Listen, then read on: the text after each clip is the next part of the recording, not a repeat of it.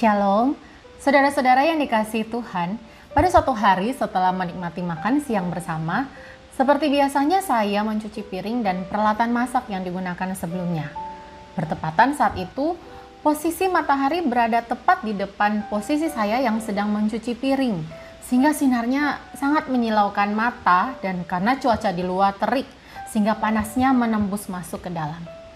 Awalnya saya masih bisa menahan sambil mencuci, saya mencoba untuk memiringkan, menundukkan kepala atau bergeser ke samping bak cucian, tetapi akhirnya saya kesulitan dan berbalik ke posisi semula.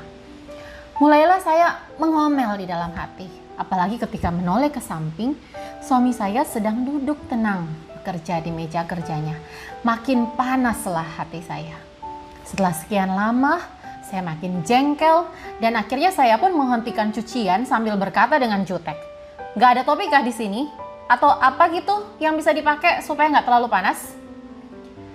Saya mencoba mencari di laci dan akhirnya hanya menemukan topi sekolah anak saya yang tentu saja tidak muat lagi di kepala saya.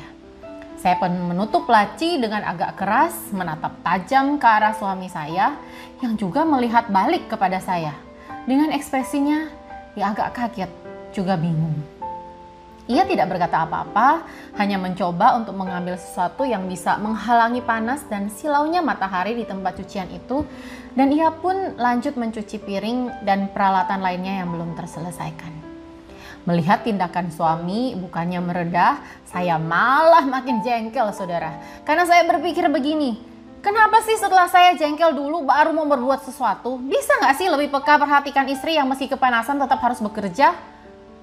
Saya pun mengambil segelas air dingin meminumnya kemudian balik ke tempat cucian di samping suami saya dan dengan agak kasar mengambil piring yang sedang dia cuci dari tangannya.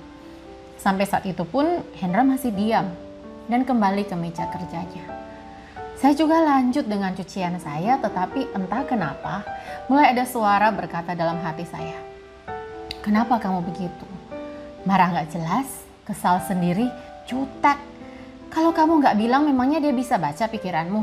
Tidak berbuat sesuatu bukan berarti tidak perhatian kan. Bisa jadi ia sedang fokus memikirkan sesuatu dan bukan sengaja membiarkan kamu. Lagi gila kali ya.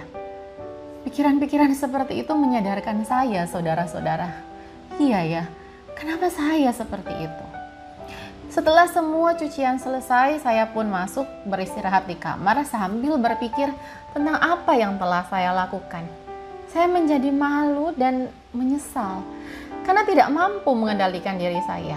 Bersyukur suami saya tidak bereaksi jengkel juga Bagaimana jika kami berdua sama-sama tidak bisa mengendalikan diri dan akhirnya konflik hanya karena hal yang sangat sepele? Saudara saya pun mengingat firman Tuhan dari Amsal 25 ayat 28 berbunyi demikian. Orang yang tak dapat mengendalikan diri adalah seperti tembok kota yang roboh temboknya.